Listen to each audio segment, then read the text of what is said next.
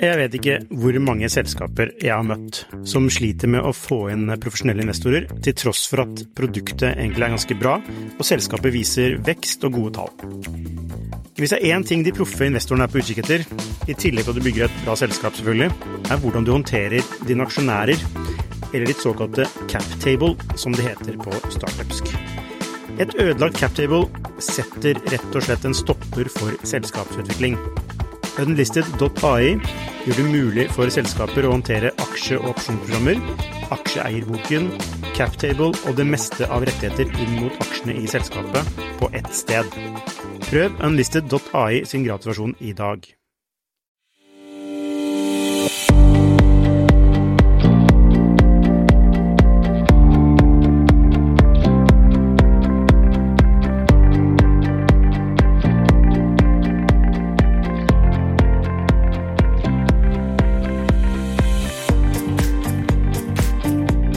Hei og velkommen til Skifters podkast. Ukens gjest har vært investor en del år gjennom Arkwright X, som har investert i selskaper som Tu, Ignite Procurement, AppFarm, AdminKit, Unlock, Enin, og ikke minst eh, så var dere tidlig inne i Spacemaker, som ble solgt for 240 millioner dollar til Autodesk. Nå jobber hun i et eh, britisk investeringsselskap, Target Global. Velkommen, Mathilde Tuv Kvernland. Tusen takk. Så hyggelig at du kunne komme. Hyggelig å være her. Ja, for du sitter jo vanligvis i London nå. Altså, du, hva, hva gjør du i London, egentlig? I London jobber jeg i et investeringsselskap som du nevnte, som heter Target Global. Opprinnelig tysk, faktisk, men har nå hovedkontoret i London, da. Så der startet jeg for knapt en måned tid siden. Mm. Og jobber med å investere i um, skaleringsfaseselskaper, vekstselskaper, kaller vi det der. Ja, spennende. Og jeg tviler på at det er mange små piker og gutter som drømmer om å bli startup-investor når de er små. Eh, så hvordan havnet du i rollen som investor? Mm. Det var eh, ikke på min radar heller. Um, så sånn som livet er, så var det jo litt tilfeldigheter inne i bildet. Jeg startet å jobbe i et konsulentselskap, Arkwet Consulting. Uh, parallelt med det så startet de en investeringsarm uh, som i hovedsak skulle være en, uh, et internt investeringsinitiativ, men også en inkubator hvor selskaper flyttet inn i våre kontorlokaler og ble en del av vårt økosystem. Så på den måten så ble jeg veldig eksponert mot disse oppstartsselskapene og syntes at det eh, virket vanvittig spennende. Og um, ja, ble rett og slett veldig trigget av, av, å jobbe med disse selskapene. Eh, men så er det også sånn som det var i konsulentverdenen, at du jobber ganske lange dager, du jobber på ganske hektiske prosjekter. Så jeg var eh, også litt i min egen boble på å levere på um, de arbeidsoppgavene jeg hadde der. Eh, men da var det heldigvis eh, han som da ledet Architects tidligere, Espen Poulsen, som prikket meg på skulderen og sa at dette tror jeg du eh, kommer til å passe veldig bra til, og jeg tror du kommer til å synes at det er veldig gøy. Du bør eh, bli med meg og gjøre dette fulltid istedenfor, og så ser vi hva eh, vi kan ta Architex videre til å bli, da. Mm, for Architex er da Er det dansk konsulentselskap, eller? Nei, det ble faktisk Det ble startet av en nordmann, en tysker og en svenske. Ja. Tilbake i Ikke dansk, med andre ord. ikke dansk, så der har vi ikke kontor. Eh, ja, hva var det? Altså, det er vel sånn ca. 40 år gammelt nå, nesten. Ja. Eh, og, og, holder fremdeles på i de regionene, da. Mm, og hva slags type konsultasjon er det? Er det management consulting? Yes. Ja. ja. Så det er en slags konkurrent til McKinsey og BCG og disse store? Helt riktig. Mm. Og hva var, hva var sånn typisk oppdrag du hadde da? Hva var sånn det var eh, Det er ganske bredt spekter av type oppgaver. Eh, men annet jobbet en del for private equity-selskaper, hvor eh, vi hjalp til med vurderingen av da senere fase selskaper, som private equity-selskaper typisk kjøper opp. Um, og da gjør vi en sånn kommersiell due diligence, da.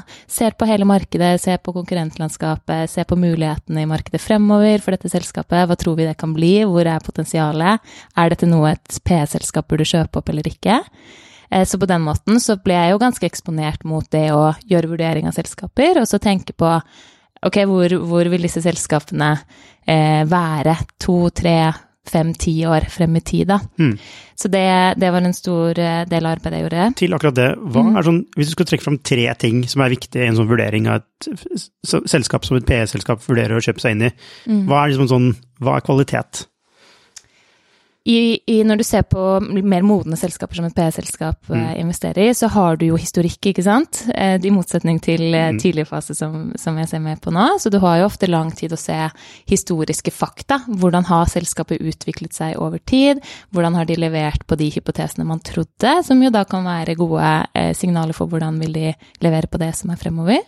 Um, og eh, det handler jo da mye om Tror vi at denne, dette selskapet kan enten på en måte vokse topplinjen, og dermed også de resultatene man får på bunn, eller om det klarer å, å forbedre marginer eh, over tid, eller om det klarer å um, ja, det handler vel først og fremst om de to tingene. Ja? Ja, um, og da blir det jo dimensjoner rundt hvordan ser markedet ut, konkurrentene, kundene, mm. um, ekspansjonsmuligheter i andre land, regioner, ja, er, produkter. ja, for det er et viktig sånn, det må være et veldig sånn tydelig vekstelement, altså vekstpotensial. Må det...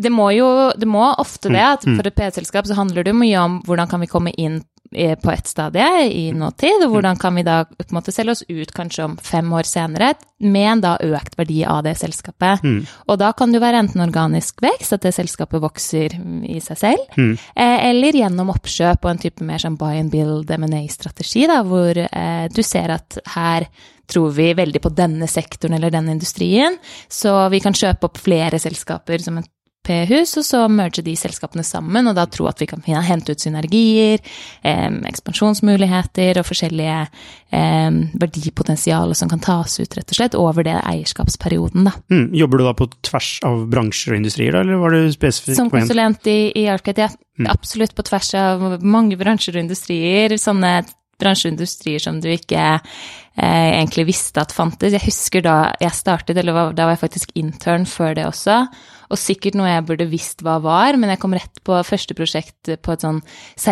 seismikkselskap, som jo da vurderer langgrunnen for hvor er det vi kan bore etter olje, da. Mm. Og jeg visste jo ikke at det var et konsept engang, ikke sant. Nei. Så um, ofte en bratt læringskurve fra start på å sette seg inn i et helt nytt marked og segment. Mm. Um, som jeg syntes var superspennende, fordi jeg var veldig nysgjerrig, og, eller fortsatt er. Så det å bli eksponert mot en ny bransje, sektor, industri som du egentlig ikke hadde noe peiling på fra før. uh, og så etter hvert bygge opp den kompetansen til å kunne trekke paralleller mm. mellom det som egentlig er totalt ulike industrier og bransjer, men som også ofte har likheter eller eh, ideer som er overførbare, da. Hva, har du et eksempel på det? Åh, det er mange, fordi um, eh, Men kanskje vanskelig å være litt konkret, fordi det eh, er jo alt fra Ikke sant? Alt fra om du eh, eh, går et, eller eh, bruker mye av eh, markedsføring eh, på netta gjennom sin nyhetsbrev, ikke sant. At mm. du ser at oi, men det har funket i en bransje fordi vi bygger en sterkere relasjon til kundebasen vår, mm. til at ok, det kan vi også gjøre for en annen bransje, fordi vi ser at vi trenger å få en, et tettere kundeforhold, da, hvis mm. vi går på markedsføring generelt. Mm, ja, ikke sant. Du kan overføre da ting som har fungert, eller i hvert fall som et forslag til ting man kan prøve i, yes. fra bransje til bransje, selv yes. om det er totalt forskjellig. Ja, fordi de fleste eh, selskaper handler jo om å levere en type verdi, få mm. kunder som liker å bruke et produkt eller tjeneste, enten om det er i B2B eller B2C. Mm. Eh, og, Men også på tvers av B2B og B2C?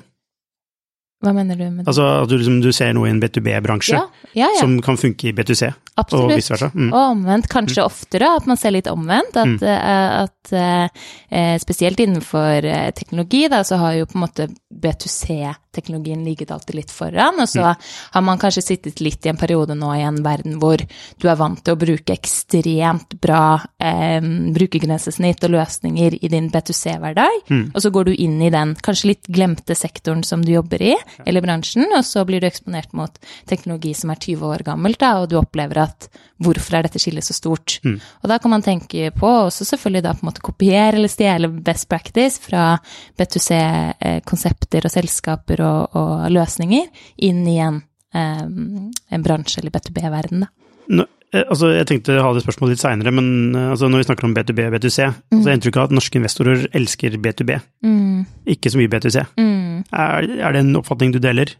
Altså, i mye større, altså bare, bare, se på porteføljen til ArcRedX også, yep. men det er som B2B.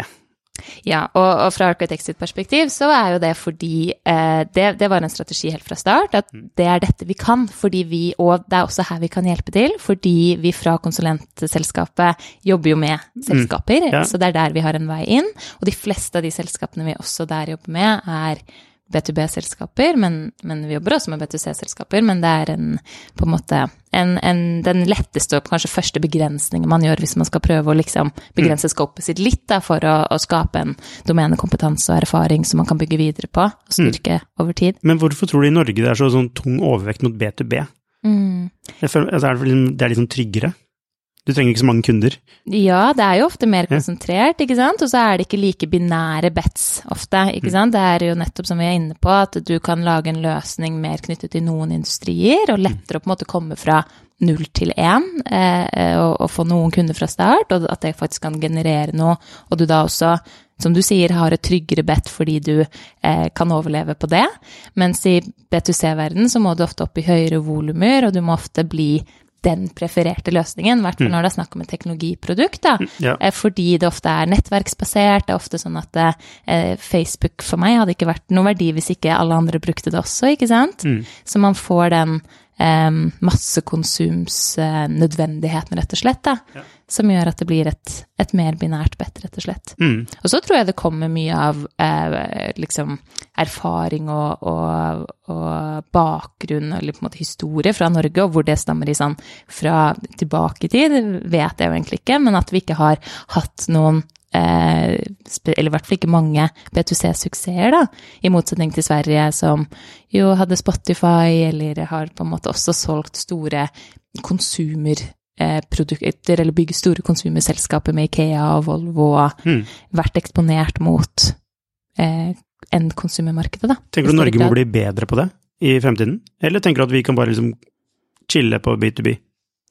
Jeg tenker jo at vi selvfølgelig burde prøve å utforske områder der også, og at vi definitivt har et potensial. For å stille, Jeg har et spørsmål som jeg tror jeg sendte til deg i forkant, men eh, som da eh, forgriper litt. Men uansett, da, hvis du skulle, selv skulle bli gründer, mm. ville du da ja, jeg, ville vedde, jeg, jeg vedde på at du ville gått inn i tenkt B2B først. Ja, det ville jeg nok, og det har du helt rett i. Det, jeg tror ikke det er fordi jeg tenker at det er Norge god på, for det bryr jeg meg på en måte ikke om. Det, det, jeg tenker på da, er jo min interesse og kompetanse, og, og også det der hvor jeg tror jeg ville hatt sitt største potensial, da. Mm. Det handler litt om at um, ja, jeg kanskje, selv om jeg er ganske risikosøkende med tanke på det jeg driver med, så ville jeg nok ikke vært det for meg selv at jeg hadde tenkt at min løsning skulle men, eid verden. Da. Men tenker du at du har den kompetansen fordi det er det mindsettet vi har i Norge? Og det er den type konsulentselskaper vi skaper. Altså, mm. det er jo mindsettet vårt mm. er jo i veldig stor grad B2B, da. Mm. Men du, vi skal komme tilbake til spørsmålet seinere, for jeg er nysgjerrig på du, liksom, hvordan du ville gjort det, da. Ok, men du, du ble altså, du jobbet da i Arkwright. Du, du kom inn for, som in, sånn intern først, var det sånn? Ja, intern ja. mens jeg studerte. Ja, og hvor mm, studerte du? I 2016. Jeg studerte eh, på Handelshøyskolen i København, CBS. Mm. Var det bra? Veldig. Fra én til ti? Ah, det er jo litt sånn at når det, hva er det nå, syv år siden, så seks-syv år siden, så um, husker man jo bare alt det positive. Så nå mm. vil jeg si ti, ja. og så kan det jo hende at da jeg gikk ut uh, tilbake i 2017, at det um, det kanskje var en åtte, mm. men mm. jeg har alltid vært superfornøyd. Men er det fire år?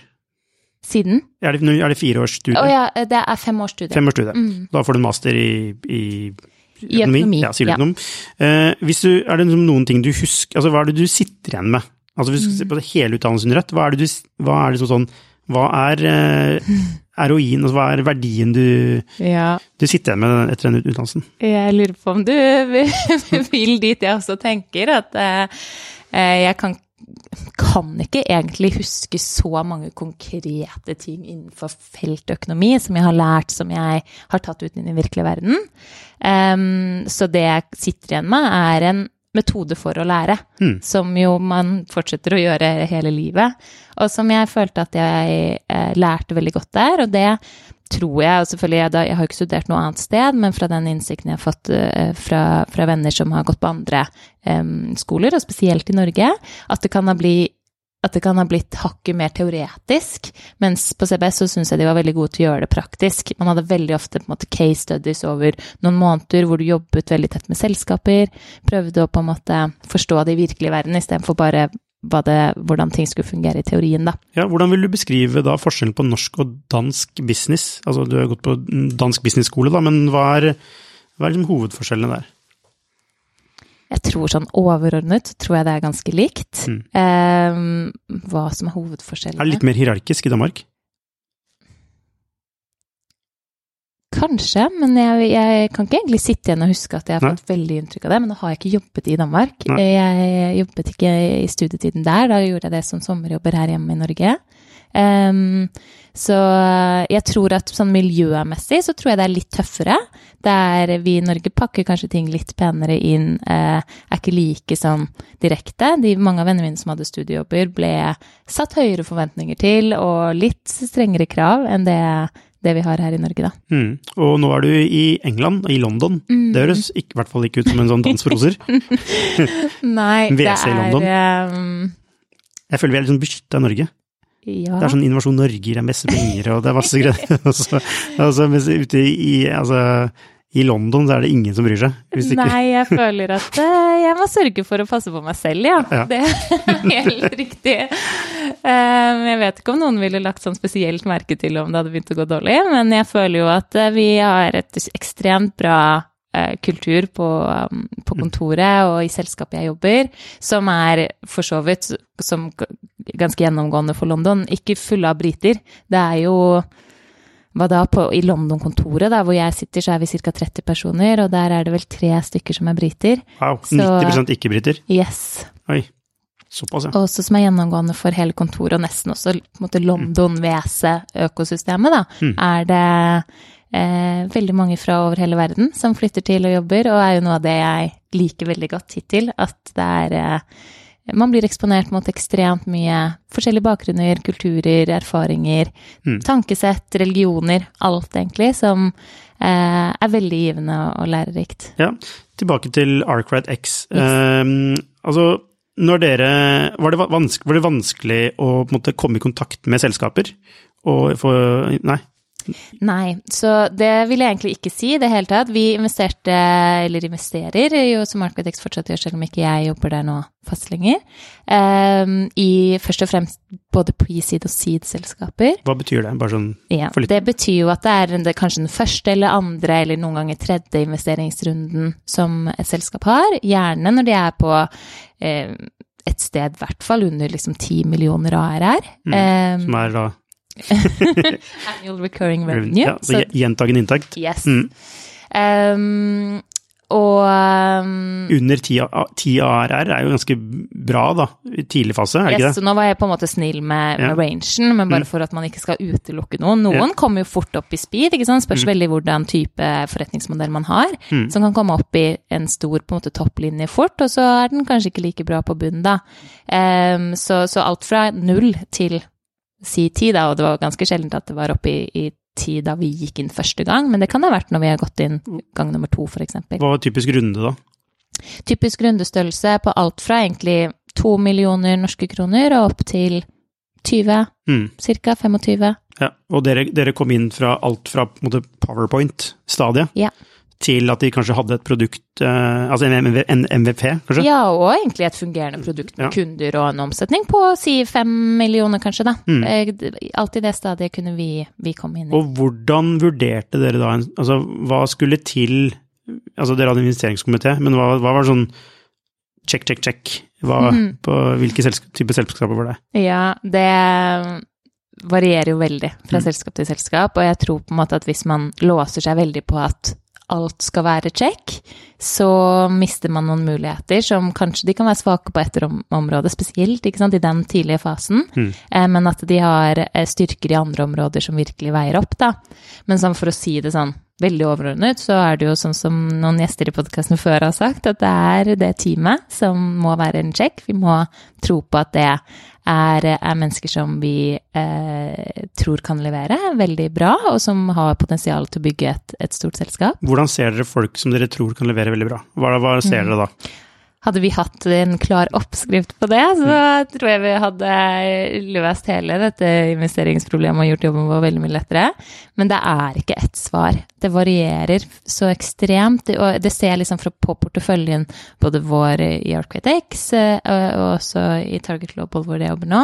Det er så ekstremt forskjellige personligheter, men så finner de sin vei og sin mulighet i markedet de ser. Men er det en altså, gjennomgående ting at de har en eller annen form for ekstrem kvalitet? Eller er det ikke det heller? Ikke sant? Betyr det noe hvor de har jobba før? Ikke alltid. Noen mm. har uh, testet og feilet og, og, gjort så mye forskjellig rart som kanskje ikke har materialisert til noe. Mm. Noen har uh, hatt en superkarriere. Ja. Og sånn fra et investeringsperspektiv så gir det jo alltid en trygghet til en viss grad at dette er mennesker som har bygd et selskap tidligere, og de har på en måte klart det de nå skal gjøre på nytt en gang før. Mm. Det er selvfølgelig liksom alltid det beste, selv om det også er selskaper som ikke klarer det selv om de har gjort det før, eller gründere da, som ikke lykkes gang nummer to, selv om de lyktes gang nummer én. De hadde flaks første gang. Ikke sant? Det kan hende. Eller at alt har endret seg, eller mm. ja. Mm. Nei, altså det er jo mange jeg, jeg, Det er en sånn greie som jeg altså, Jeg tror mange undervurderer timing. Mm. De tenker at de er veldig gode yes. på å bygge selskap. Yes. eh, og så er det liksom timing og Altså, kall det flaks. Altså, yeah. Flaks er jo noe man eh, Man kan jo ha, ha, mer flaks enn andre. altså Man kan jo yes. være tilgjengelig for flaks ved å være forberedt og alt sånt der. Yeah. Men, men det, er noe, det, er noe, der som man må man, man virkelig skjønt hvorfor man lykkes forrige gang. Yes. Og det er vanskelig også å sette fingeren på, ikke sant? Mm. Fordi det er hundrevis, sikkert tusenvis av faktorer som gjorde at man lykkes den forrige gangen. Og hva hva som var den korrekte og liksom helt riktige korrelasjonen mellom de tingene og hvordan markedet var, og hvordan teamet var, og hvordan produktet var, er det jo nesten umulig å klare å analysere seg til, da. Det jeg leser ut fra deg nå, Mathilde, er magefølelse. Mm. At det betyr noe. Altså magefølelse og kjemi, altså en, altså en følelse. Det, det, det, stiller veldig sterkt, mm. en følelse, men vi er ganske um, sier jeg fortsatt vi, for jeg tenker ja. at jeg fortsatt er del av. Arcade X-teamet, da, mm. for å snakke om måten vi gjorde det på der. Så fulgte vi alltid magefølelsen, men vi er jo litt miljøskadet av å tidligere ha vært konsulenter, så vi likte veldig godt å på en måte prøve å sette ord på det, gjøre det eksplisitt. Um, prøve å kategorisere ting, og da for å trekke frem noe, da, for det er det jeg hører at du gjerne vil ha, så er jo det eh, ting rundt f.eks. rekrutteringsevne. Ser vi at disse menneskene klarer å rekruttere andre til å bli med seg på denne reisen? Mm. Uh, og så er det noe med det å, å Ser vi potensialet til at de vil være en god leder? Det kan være sånne småting som at du f.eks. merker i et rom, så blir det kanskje spørsmål stilt ut høyt. Hvem er det folk ser på? Hvis mm. folk naturligvis ser på den gründeren eller CEO-en, mm. så er det en litt lederskikkelse, en man litt forventer at Oi, hva kommer den personen til å si? Mm. Um, og så kan det være ting rundt, selvfølgelig, bare hvor oppfatter vi at denne personen er smart, tar tak i problemstillinger og, og, og evner å løse det på en god måte. Uh, og så er det noe som også er superviktig, at føler vi at her er det eksekveringsevne. Det er personer som får ting gjort, som er enormt viktig i den måte, fasen av et selskap man skal gjennom da, når, man, når man bygger det fra scratch og, og, til å bli noe stort. Har det vært tilfeller hvor du har følt at det er sjekket av på systemet, men så har det likevel ikke vært riktig investering? Det har jo vært eh, investeringer vi har gjort som ikke har gått bra, ikke sant? Sånn som mm. det er for alle i tidlig fase når man kommer opp i et visst volum, regner jeg med. Ja. Um, kan, var, det en, var, det en, feil dere gjorde å investere, eller var det riktig beslutning å investere, men det var Eh, altså feil, uflaks for team eller whatever, da. Mm. Og hvis det var en feil i rullet, hva lært, hva, hvilken feil var det? Mm. Var det noe du lærte? Um, ja, det er et godt spørsmål. Jeg tror det igjen så mange forskjellige faktorer som avgjør, ikke sant. Så vanskelig å si, men, men det var et selskap hvor ikke sant, Utfallet kunne jo blitt noe annet, men hvor jeg tror vi Det satte seg veldig sterkt i oss dette med nettopp det første punkt som jeg trakk frem. da, At eh, ok, vi så at denne personen var veldig intelligent, eh, eh hadde veldig potensial i seg selv, men hvor det var egentlig, når man så tilbake i tid, helt åpenbart at den personen ikke hadde rekrutteringsevne. Mm. Ingen av oss ville ha jobbet for den personen. Jeg hadde ikke visst hvem jeg skulle tatt opp telefonen til av mitt nettverk og sagt du, her er det en mm. gründer som mm. eh, er lynintelligent, og Følte du det tidlig? At du ville den personen ville ikke jeg jobbet for. Ja, men da var vi ikke like klar for, på at det er utrolig viktig. Mm, det, er ikke det at jeg må kunne jobbe for den personen, fordi eh, ikke alle er som meg heller, men jeg må se at noen vil jobbe for den. Noen vil jobbe for dem, og også egentlig gjerne et litt stort volum av mennesker som tenker at jo, de, eh, de vil jeg også jobbe for å være med på denne reisen med, da. Mm. Og hvis jeg ikke klarer å tenke på noen personer i mitt nettverk jeg kunne tatt tak i og sagt du, jeg vet at du ikke har det dødsgøy i jobben din nå, men nå dette er en mulighet som jeg tror du ville passe til, mm. da går det en liten sånn varsellampe da om at ja. dette er jo ikke helt Jeg syns dette var en veldig bra takeaway, da. Ja. bra. kanskje, men, kanskje, ikke så veldig kravstor, men jeg syns dette var en god takeaway, fordi mm. det er noe med Jeg tror, jeg tror altså det derre jeg tenker, hvis du skal, Det skal vi snakke litt om seinere, med mm. deg, men sånn, hvis man skal starte noe eh, og skal hente penger mm. første gang, så det første du kan bevise, mm. uten noe som helst, det er nettopp at du klarer å få med deg noen på ideen din. Yes. Altså, du må evne Altså, én ting er at du får med én eller to mm. nøkkelpersoner, mm. men dette, hvis du skal bygge et selskap, så må du ha mange flere. Så yep. det der, det, det der før du gjør noe som helst annet, før du ber om penger, så vis at du klarer å få med deg en eller to til som yes. komplementerer deg. Er du enig at det er sånn steg én? Veldig, veldig enig. Mm. Helt klart. Og det er jo ikke det at du ikke kan være alene og, og hente penger i Nei. starten, men at du da har gjort den avsjekken på at jeg kommer til å få med meg noen, og være helt trygg på det selv. Eh, men timingen var kanskje ikke riktig akkurat da du skulle hente den kapitalen. Um, det er jeg helt enig i. Du skal komme med en sånn killer combo som du garantert ville sagt ja til, da. Ja. Jeg kommer til deg mm. Eh, som single founder uh, og sier uh, hei, uh, jeg heter Lukas og jeg skal bygge dette her. vi møtes om tre måneder, da skal jeg ha disse rollene på plass. Mm. Og så har jeg et nytt møte om tre måneder, og så har jeg de to rollene på plass. Mm. Da tenker du han, han, får det gjort. ja. Det, det, setter vi veldig stor pris på. Absolutt. Ja. Uh, ok, så uh, Men det var, du sa det ikke var noen problemer for dere å få selskaper å investere i? Nei, det sa jeg ikke. Jeg sa at det var ikke noe problem å Jeg tror ikke det var det du spurte om. Ja, ta kontakt, få møter, ja, finne selskaper å prate med og vurdere mm. og alt det der. Var det noen ja. som sa nei til investeringen deres? Um, ja, men det var det helt sikkert. Men det er vel sjelden å huske at vi på en måte har startet dialog tidlig, og så eh, hadde, vi lyst til å bli med fordi vi har et veldig fleksibelt eller jeg vet ikke om jeg skal si har eller hadde, men altså si har, har et veldig eh, fleksibelt mandat, så vi kunne alltid på en måte justere den eh, ticketen til å bli mindre eller mer, eller på en måte tilpasse til eh, det som gjorde at det ble riktig å komme inn i den runden. Mm. Eh, men det er eh, selskaper som vi kanskje har logget, og så har vi vært litt trege med å ta kontakt, og så har de hentet kapital fra noen andre, da. Okay, kan, du, kan, du, røpe nå hvem det? Ja, det er, det er et selskap ja. som har gått igjen på den derre hva er det vi har kalt det, liksom antiportfolio, da, ja. hvor det var vi ville ha investert i og ikke fikk gjort. Og det er eh, kanskje en av de mest sånn ettertraktede serie A-selskapene nå, som er dette Enode, eller Node, da, hvis vi sier det på norsk. Ja. Enode, hva er det de driver med? De er en API-plattform for eh, eh, ja, alt av elektrisitet til hjemmet, egentlig. Mm. Så kan sikkert noen andre si det bedre enn meg, men det er sånn jeg har forstått det. Ok, så dere har noen så dere har, Hva det kalte det? En antiportefolio? Nei? Ja, er det det vi har kalt det? Jeg husker ikke. Ja, men det, er, det, er, det, er, det som ikke er porteføljen vår, men som vi tenkte at det hadde både passet på en måte mandatet vårt og det vi så etter, og vi eh, har inntrykk av at det er et veldig dyktig team, eh, og det ser ut som de har fått en god start og god fart. Mm. Eh, og ingenting liksom er proven ennå, eh, fordi det er jo det som er med venture, at det tar lang tid. Mm. Men den, eh, den, vi har på en måte mappet nå som eh, vi plukket opp veldig tidlig, at oi, her er det noen flinke mennesker som bygger et selskap. Eh, men var trege med å ta kontakt. Og ikke sant, hvem vet, hadde vi tatt kontakt tidligere, kan det godt hende vi ikke hadde fått investert allikevel. Mm. Men, eh, men den, eh, det er den ene vi har mappet hittil. Ja, men det er ikke så Altså én er jo ikke så mye, da. Men det er kanskje mye penger, da. men hva, hva, er det sånn, hva er det Arkwright kunne da tilby Altså, for én ting er jo eh, pengene, mm. som eh, alle gründere vil ha. Mm. Men eh, ofte så vil man også ha noe mer. Ja. Altså noe, og hva er det, hva er det Arkwright kunne tilby?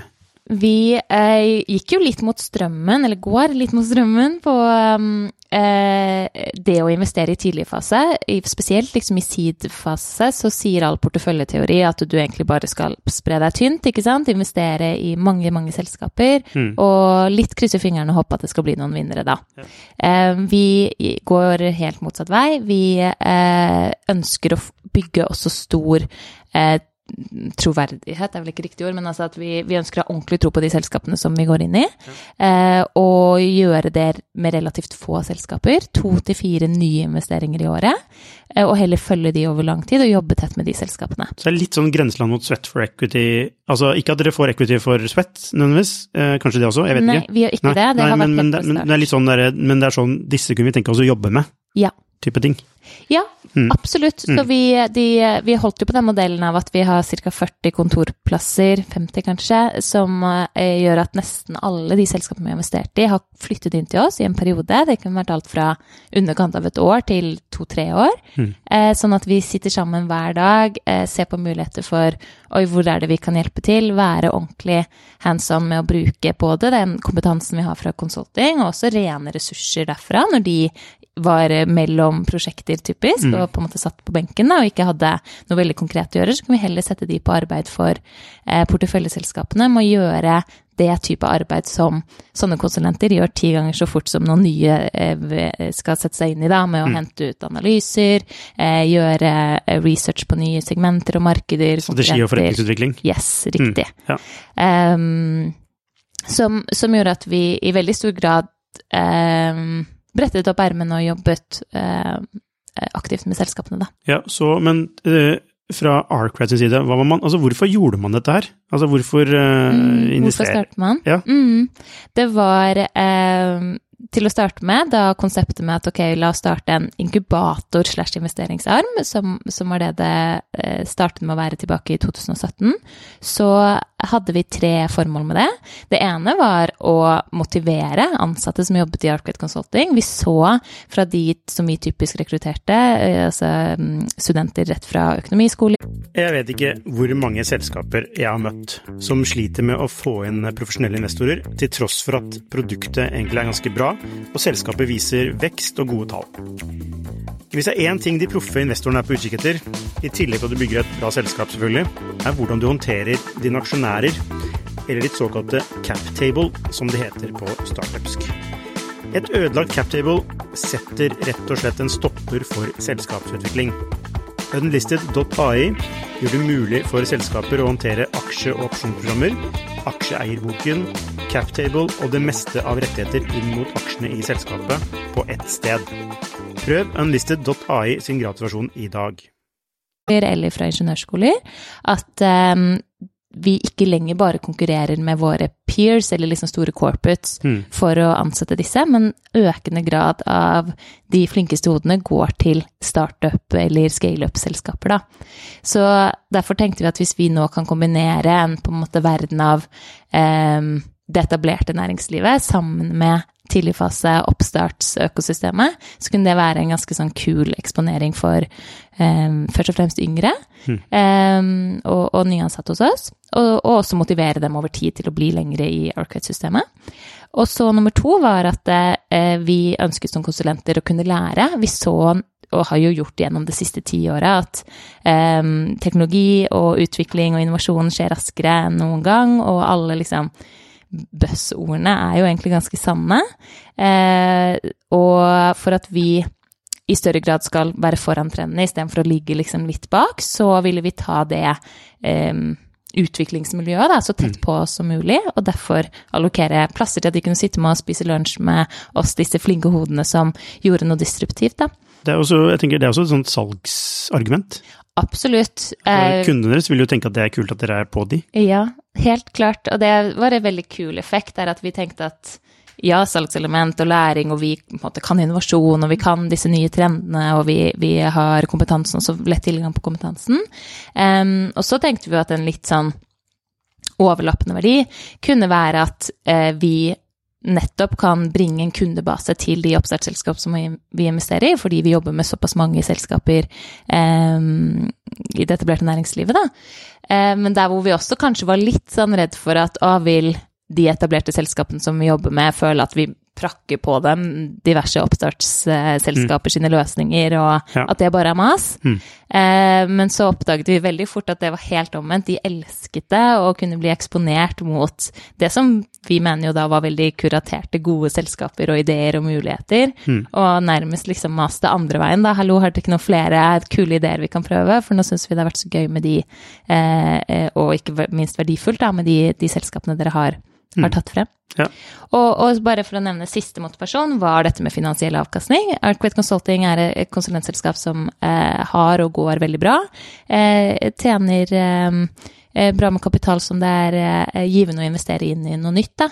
Så det å finne muligheter som vi tror på, som vi kan eh, investere i, var var noe vi ønsket, og også da håpe at det selvfølgelig kaster av seg over tid. Da. Mm, jeg har inntrykk av at det er mange konsulentselskaper som altså, adopterer den strategien. Ja. Altså, med startups og for å liksom, beholde ansatte, blant annet. Yes. Eh, altså litt sånn samme argumentasjonsrekke som du har nå. Mm -hmm. Flere sånn management consulting-selskap. Spring, Sprint yes. Consulting gjør det. Yeah.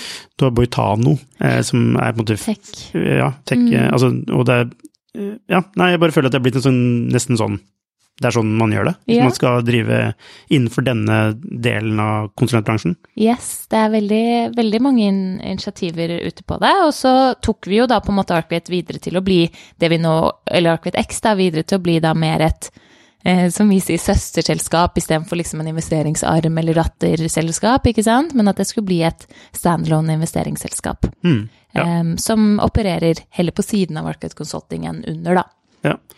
Og hva Eh, hvordan, hvordan, er det å etablere Altså, du kommer tidlig inn i etableringsfasen der, men dere, dere må vel ha noe Altså, ofte når man etablerer noe nytt, så er det jo ofte slik at moderorganisasjonen tenker at man må få noe igjen for det. Altså, det må jo være noe sånn Du var inne på de tre, altså de tre tingene, men mm. leverte dere på de tre tingene? Altså, leverte yes. dere på finansiell avkastning? Altså, det, for det, la oss si dere ikke hadde gjort det, hadde det da Hvordan hadde det vært da? Men hvor viktig er det å levere på, mm. På det man skulle levere på? på i, i, de første årene, hvor det jo var mer måte, naturlig at man kunne trekke seg tilbake hvis ikke det funket, og si at ok, da prøvde vi, men vi syns ikke eh, verdien gjør opp for kostnadene, på en måte. Um, da eh, så vi egentlig ganske fort nettopp det som litt var bakgrunnen da vi startet, at nå skjer det noe i økosystemet i, Norge eh, innenfor eh, tidligfase og venture, og dette vil vi være med på. Og det så fikk vi jo veldig bekreftet at bare eh, det var helt riktig, og at det virkelig eh, ble et yrende økosystem som det var kult å være del av. Og da også så veldig fort egentlig at ok, her leverer vi på um, den motivasjonsdelen. De ansatte syns at det er veldig gøy å jobbe med disse selskapene, og vi får mye igjen også på læringsdimensjonen. Ved å jobbe med selskapene så lærer man også, og kan ta det med videre inn i de på en måte betalte hvordan, hvordan, prosjektene. Hvordan målte dere dette her? Altså, var det bare sånn dere følte det, eller målte dere faktisk sånn uh det fordi jeg, spør, jeg har intervjuet mange CWC, altså sånne corporate mm. venture, ikke sant? og de snakker tiden om læring. Ja. Og så spør jeg hvordan måler du det? Nei Vi, Det er jo sånn at det, litt som jeg har svart på mange mm. spørsmål her, da, men det er jo veldig mange faktorer som spiller inn. Og det vi kan f.eks. se da på eh, Som vi kan, jeg i hvert fall, da, kan ta på litt at Architects har hatt en fortjeneste på. Hvis du ser på kundebasen til Architect Consulting mm. Før Architects så var det mye mindre innenfor teknologiselskaper, mer på en måte disruptive selskaper som gjorde noe nytt. Og så ser man på det snapshot av den på en måte inndelingen av hvem er det vi jobber for, mm. og hvor det, de brøkene er på en måte totalt eh, endret, da, fordi vi har fått veldig mange nye kunder som har sånn, enten sånne type initiativer i mer etablerte selskaper, eller er mer i den mm. raskvoksende scale-up-kategorien, nærmest. Kanskje ikke scale-up, men altså at det er et, et selskap som har eh, blitt stort på ganske kort tid, da, og hvor de ser at den kompetansen som Arcade Consulting har, eh, er, er veldig verdifull. Det er jo en måte å vri kompetansen på. Ja, Absolutt. Altså internt i selskapet, slik yes. at man kan få utvidet kundebasen. Altså du ja. nevnte seismikk. Ikke sant? Det er jo tradisjonelt olje-gass, er det ikke? Ja. ja. Og jobbet mye med olje- og gasselskaper tilbake, liksom i hvert fall før 2010. Og nå er jo det selvfølgelig ganske Mm. naturlig, en ganske eh, liten del. Selv om vi har tatt veldig stor del i mange prosjekter som eh, går på, på måte, det grønne skiftet, da, og den Mm. transformasjonen av selskaper som tidligere drev primært med olje og gass, og som nå eh, ønsker å drive primært med fornybar energi. Er det ut, var det en slags utilsiktet eh, effekt at man vridde kompetansen, og det faktisk førte til at man kunne selge inn mer relevante tjenester til en ny, kall det ny næring, da? Ja. Eh, fordi ofte, ofte så begynner det med at, som du sa, da, ikke sant, de ansatte og yngre og sånne ting, og så Ok, det finansielle er kanskje ikke så viktig, det må i hvert fall gå i null. Altså, det skal liksom i hvert fall Yes. gå i null. Eh, og jeg tror ikke du engang nevnte det med salg som et av de poeng... Altså du Nei, selv om det ligger litt under ja. læring, da. Mm. Fordi du klarer I, i, um, i Arcade Consulting så har vi ganske lange relasjoner og, og bygger på en måte nettverk med veldig mange selskaper og klienter. Men eh, må jo på en måte selge inn over tid. Det er Ja. ikke en SAS-tjeneste som bare tikker og går. Du, du leverer på ett prosjekt, og du er alltid på en måte kun så god som ditt ditt siste prosjekt, ikke sant, på den leveransen du har gjort. Sånn at eh, det å levere et bra prosjekt det handler jo veldig mye om også det neste salget, da. Mm. Um, så, Ja, så det er beste, det markeds, litt beste markedsføring for neste salget. Yes, nettopp. Så det går litt inn i det. Og hvis man da merker at som en, en kunde at nei, men her jobber vi jo med noen konsulenter som ikke har endret seg siden 2010, og, og fortsatt bruker de samme metodene og ser på markedet på samme måte, så vil man jo ikke levere en bra, bra tjeneste. Men hvordan havnet du i London? Ja. Søkte du på en jobb? Ja, Ja. jeg gjorde det. Hvorfor søkte du på en jobb i London? Ja, det er et godt spørsmål, som jeg lurer på litt selv noen ganger også. Men um, jeg elsket jo, som du sikkert hører, det brenner jo fortsatt for Arkwright X, og elsket jobben min der. Uh, menneskene jeg gjorde det med, uh, porteføljeselskapene våre, uh, alt ved det egentlig. Um, men følte også på at eh, denne verden med tidligfase ventureinvesteringer syns jeg er ekstremt spennende. Og eh, vi Hvorfor fra Lille? Norge Hvorfor er det spennende? ja, det er mange, mange dimensjoner, men mye av det er det at det er noe nytt som skjer hele tiden. Og jeg føler egentlig at jeg på en måte Hvordan skal jeg si det riktig? Altså føler nesten at jeg kan mindre jo mer jeg lærer, fordi du skjønner hvor eh, mye det er du ikke kan. Eh, vinner, i hvert fall. Ja. Og eh, hvor fort ting endrer seg, som gjør at jeg tror man aldri er utlært, Mm. eh, men hele tiden har eh, både nye industrier, nye konsepter, nye selskaper, eh, ny innovasjon, ny teknologi, alt å sette seg inn i, som jeg syns er veldig givende. Eh, og så eh, liker jeg veldig godt den menneskelige dimensjonen med det. At du, eh, som vi var litt inne på tidligere, det er en ekstremt viktig del av de investeringene som du gjør, i motsetning til da jeg drev med å støtte ut private equity-selskaper på konsulentstadiet med, med senere faseselskaper, da, hvor selvfølgelig mennesker er en viktig dimensjon, og det vil alltid være det, men i tidlig fase er det på en måte helt, helt, helt key, for du har ikke de andre eh, metricsen i samme grad å se på, da. Men hva er, din, hva er ditt endgame når du da søker deg til et eh, globalt eh, WC, en global WC i London? Mm. Har du et eller annet sånn Vil du starte et eget fond på sikt, eller hva, mm. som, hva, hva, du, hva vil du oppnå? Det vet jeg ikke i dag. Jeg, har, eh, jeg visste jo aldri at jeg ville det jeg sitter og gjør nå, for bare ja, fem år siden. Så jeg tror Du har ikke en stor plan? Nei, jeg har ikke en masterplan for hva jeg skal her i livet. Eh, Jeg Ja, jeg tror ikke jeg hadde fulgt den hvis jeg hadde den. Nei? Så um, jeg, jeg ser ikke noe poeng i å, um, å legge det, egentlig. Nei. Jeg trives veldig godt. Men du håper at selskapene du investerer i har en plan, eller? Det liker jeg å se. Det liker jeg absolutt å se. Mm. Også det jeg ville Ja, det er litt forskjellig. Ok, så nå jobber du i London uh, med altså Target Global. Uh, hva slags type selskaper er det dere går inn i da? Der går vi inn i teknologiselskaper, hovedsakelig fra Europa og Israel, men også litt opportunistisk ca. 10 av porteføljen i nye regioner som kan være Afrika, Asia eller USA. Um, vi investerer helt fra sidefase og opp til egentlig ganske sene type serie C, serie D-runder. Så mye, veldig mye penger, da. Ja, Mm. så ca. 3 milliarder euro under management, så 30 milliarder kroner.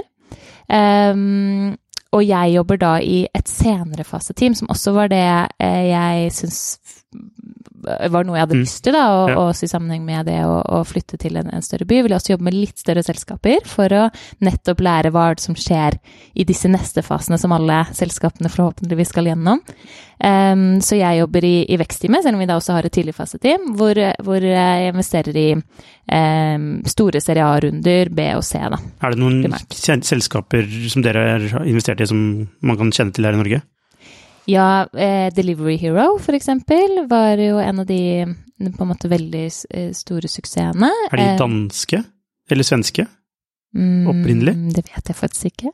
Ah, ok, men det er, det, det er litt sånn eh, levering på døra av mat? Yes, Ja. Så det var jo en veldig tidlig Mm. bølgen da på en måte det kom, og har vært med på det gjennom, gjennom de årene.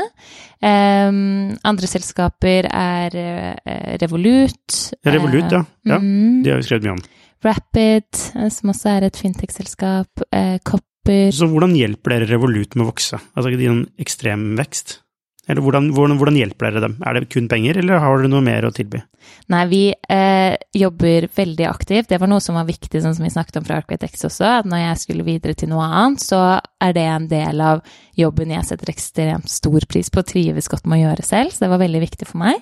Samtidig så tror jeg det er noe som gjør deg også til bedre investorer, fordi du jobber tett med selskapene, ser eh, hva det er som funker, hva er det som ikke funker, og kan klare å på en måte gjenkjenne det i nye selskaper du vurderer, da. Mm. Så jeg liker veldig godt det at eh, vi i Target er samme team som investerer, som også jobber med selskapene, og så er det selvfølgelig da noen ekstra som bare jobber med oppfølging av selskapene og ikke investerer. Men i utgangspunktet at det er overlappende team i ganske stor grad, da. Men hva, det, hva konkret gjør det for et selskap? Vi eh, jobber veldig mye med ledelsen, spesielt da i denne vekststadiet Mm. også, hvor eh, vi på en måte fungerer nærmest som en, en høyre hånd og hjelper med de utfordringene man står overfor. Og der kommer det mye fra kompetanse og erfaringer gjennom det å være en såkalt livssyklusinvestor. Mm. Fordi vi gjennom da de reisene vi har vært med på, det er ja, hva er det, rundt 21 exiter fra den porteføljen og, og 7-8 IPO-er. Mm. Så da har du vært med et selskap gjerne da fra at Mm. tidligfaseteam har investert i seed eller tidlig serie A, og så har vi vært med i alle faser over tid, og kan virkelig trekke på erfaring og kompetanse gjennom det å ha vært gjennom disse syklusene og møtt på de Så du er vært en slags mentor? Ja, coach? men også en, en mer hands on eh, Så du kunne lagd en analyse, eksempel? Absolutt. Mm. Yes, i aller høyeste grad. Så eh, det at, å si at vi gjør alltid det og det og det, det vil variere, for det kommer jo an på hvilke kompetanser har selskapet internt. Mm. Hvis selskapet er helt råflinke på rekruttering selv, så blander ikke vi oss inn i det. Da tenker vi du, dere gjør det sikkert enda bedre enn oss.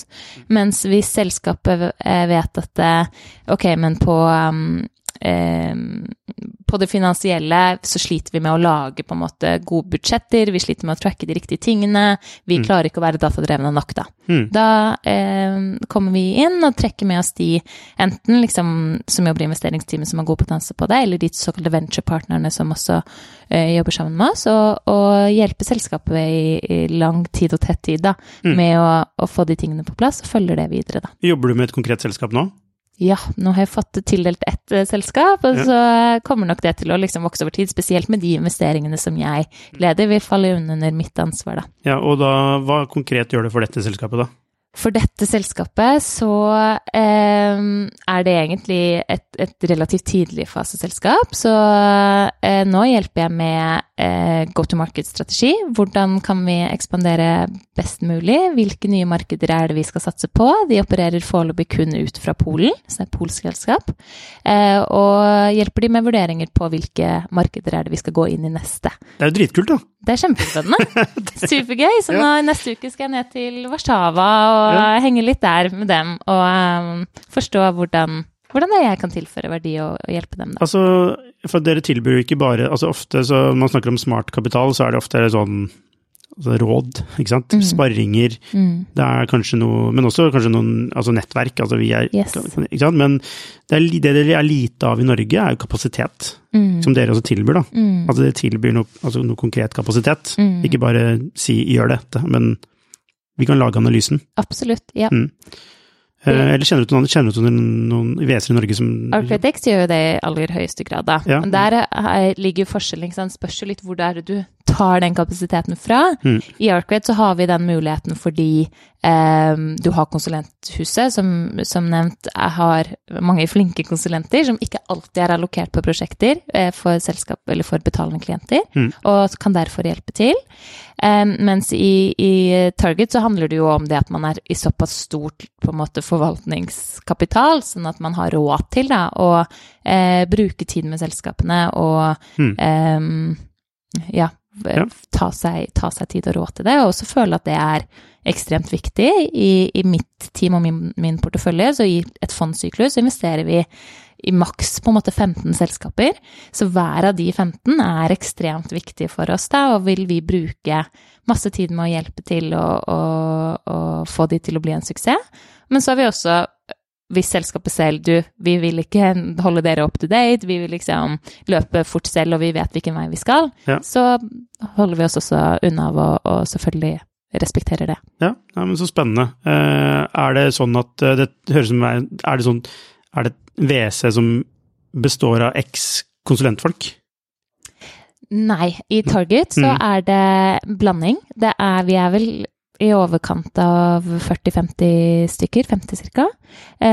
så det er noen eks-konsulenter og noen eks-investment bankers, eh, men også veldig mange som har operasjonell erfaring fra før. Enten at de har vært med på en vekstreise tidligere, eller at de har bygd selskaper selv før, da. Mm. Så det er absolutt viktig at vi, vi har hele den bredden av kompetanse, da. Ja, ok. Du, vi skal avrunde, eh, og da er det tilbake til spørsmålet som jeg annonserte tidligere, og det er om hvis du selv skal bli gründer, Mm. hvordan ville du gått frem nå for å sikre den første investeringen? Jeg ville eh, først og fremst tenkt veldig nøye på hvordan type selskap er det jeg bygger, som da også avgjør hvordan type kapital er det jeg trenger og, og bør ha med meg på den Jeg venter vedder på at du hadde noen ideer på ting du ville bygge. Ja, det har dukket opp noen ideer her og der, men okay, jeg, jeg har ikke noen noe som har vært bra nok til at jeg vil hoppe av og gjøre det. Ok, si en idé som er god, men ikke bra nok, da. Som du ikke kommer til å gjøre det, kanskje. Nei, det kommer ikke opp noe i, i hodet mitt akkurat nå, så det er sikkert ting jeg da har kastet langt bort og tenkt at eh, å, bra jeg ikke Ok, men la oss si du skal starte et eh, B2B-selskap. mm. Eh, hvordan går det frem? Veldig generisk, da. Yes, Mm. veldig generisk. Det var du nå på det å skaffe investering, eller Mm. hele selskapet? Ja, ja, steg for steg. Ja. Fra, fra idé til IPO. ja, nå var du jo inne på det litt, såpass høye forventninger må vi ha. Em, jeg ville først og fremst tenkt på hvem skal jeg gjøre det med. Det hadde vært det viktigste. Jeg klarer ikke å bygge et eh, bra selskap alene, nesten uansett hvilket skala jeg, jeg hadde sett for meg å bygge det selskapet i. Så jeg ville eh, tatt tak i de personene, og der har jeg et håndfull av de som jeg virkelig vet at å, hvis en dag jeg skulle bygge et selskap, Mm. så vet jeg at eh, de ville jeg prøvd å få med meg. Og hva slags kompetanse har de? Samme som deg, eller litt annerledes? Annerledes. Ja. Absolutt viktig at jeg føler at vi kan komplementere hverandre, men allikevel snakke samme språk. Så hvis du får med deg to stykker, hva slags kompetanse har de, som du kjenner? Jeg ville jo, altså jeg tenker jo at jeg mest sannsynlig ville bygd et tech-selskap, for det er det jeg jo jobber med og syns at det er spennende. Eh, Så det er jo en kompetanse som jeg ikke har i dybden. Eh, Så mm, jeg også elsker å se et gründerteam, at det består av noen som evner å tenke veldig strategisk og kommersielt, sammen med noen som har eh, tech-kompetanse og virkelig dyktige ferdigheter innenfor det, da. Mm. Så det er en tech-person, Ja. eh, og en person til, da. Hvem skulle det vært? For du er vel den kommersielle og Mm. businesskompetansen. Mm. Så er det en tech-person. Er Hvis vi lager dette Ja. fantasiselskapet her nå. Um, jeg kunne nok også tenkt meg noen som hadde vært jeg, jeg kan nok trives med salg, men en som bare er helt rå på det. Har Mm. drevet med B2B-teknologisalg tidligere. Ja. Og Så tidlig inne, altså som, som en del av founding team. ja, Hvorfor det? Fordi jeg tror at det ofte er undervurdert, i, spesielt liksom i norske selskaper. Man tenker veldig mye på produkt, du tenker veldig mye på strategi, men hvis du ikke får solgt det der greiene som du bygger og lager, så kommer du ikke videre, og blir også i større grad avhengig av eh, venturekapital eller kilder generelt, som gjør at du ikke eh, kan løpe så fort på egen hånd med å få penger inn i kassa fra, fra kundene som, som du faktisk vil, da. Men sier ikke Nestor at du må selge som gründer først? Jo, men da hadde jo det vært som gründer. Ja, det er sant. det er sant. Ok, så da har du teamet. Går du da og ber om penger? Jeg ville ikke gjort det, nei. Nei, hva ville du gjort for noe? Ja, altså, det spørs jo selvfølgelig helt hva du skal bygge, og i hvilken liksom, økonomisk situasjon man er. En B2B betalingsløsning. Ja. Mm. Jeg ville eh, Det er jo på en måte et ganske sånn generisk produkt i, en grad, da, men, men det kan jo variere. Men i utgangspunktet så ville jeg gjort det jeg hadde klart på egen sjøl, med å teste en viss grad for product market fit. ikke sant? Det er veldig varierende hva, hva er egentlig det, og når er det du egentlig har det. Men prøvd så mye som mulig å, å, å få bevis på at du klarer å selge i hvert fall en en måte idé eller konsept eller MVP til noen betalende kunder som sier ja, så fort du har dette klart for meg, så vil vi betale for det, og få en følelse av hvor er det markedet ligger. Jeg ville hatt i hvert fall de type tingene på plass før jeg eh, hentet på en måte i hvert fall eh, eh, profesjonell kapital, på en måte, da. Mm, hvorfor det? fordi jeg tror at det er noe som de fleste profesjonelle kapitalgiverne, eller hva man skal kalle det, investorene, forventer. Mm. Sånn at du ofte blir litt tvunget til å si at og du vet hvem du skal selge til, du vet hvem kunden din er, du vet hva du skal bygge. Du blir på en måte litt tvunget til å lage den planen klar. Og hvis du ikke egentlig har testet det først, og, og har det på plass, så tror jeg den neste fasen kan bli litt utfordrende, for da er det noen som ofte er litt utålmodig på andre siden og viser til det man sa at man skulle levere, men vi trodde jo dere hadde det. Altså det er vanskelig å Mm. starte litt med den eksplorative prosessen, da. Mm.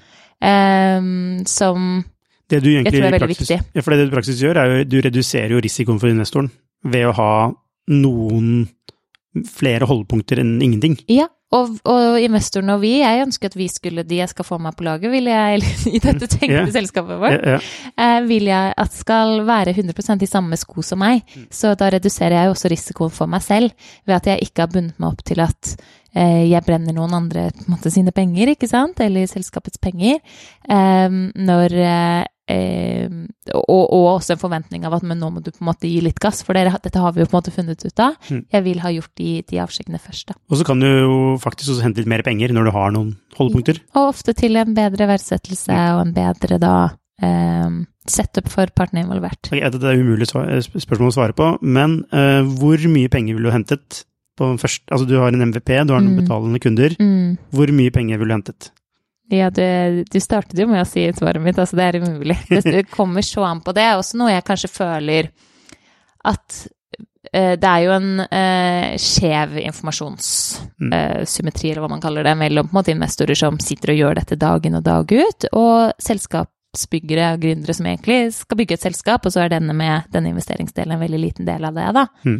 Um, men hvor man kanskje Eller hvor jeg føler da at mange gründere ikke er eh, bevisste nok på å tenke på hva er riktig for mitt selskap og for det jeg skal bygge, eller vi skal bygge, Mm. og for den reisen vi skal gjennom, men heller eh, høre litt på disse rangene vi sier da, jo, men den siderunden skal være mellom eh, fem og ti eh, millioner norske kroner, og så har du ikke egentlig helt tenkt på hva er det som er riktig for meg og dette selskapet, da.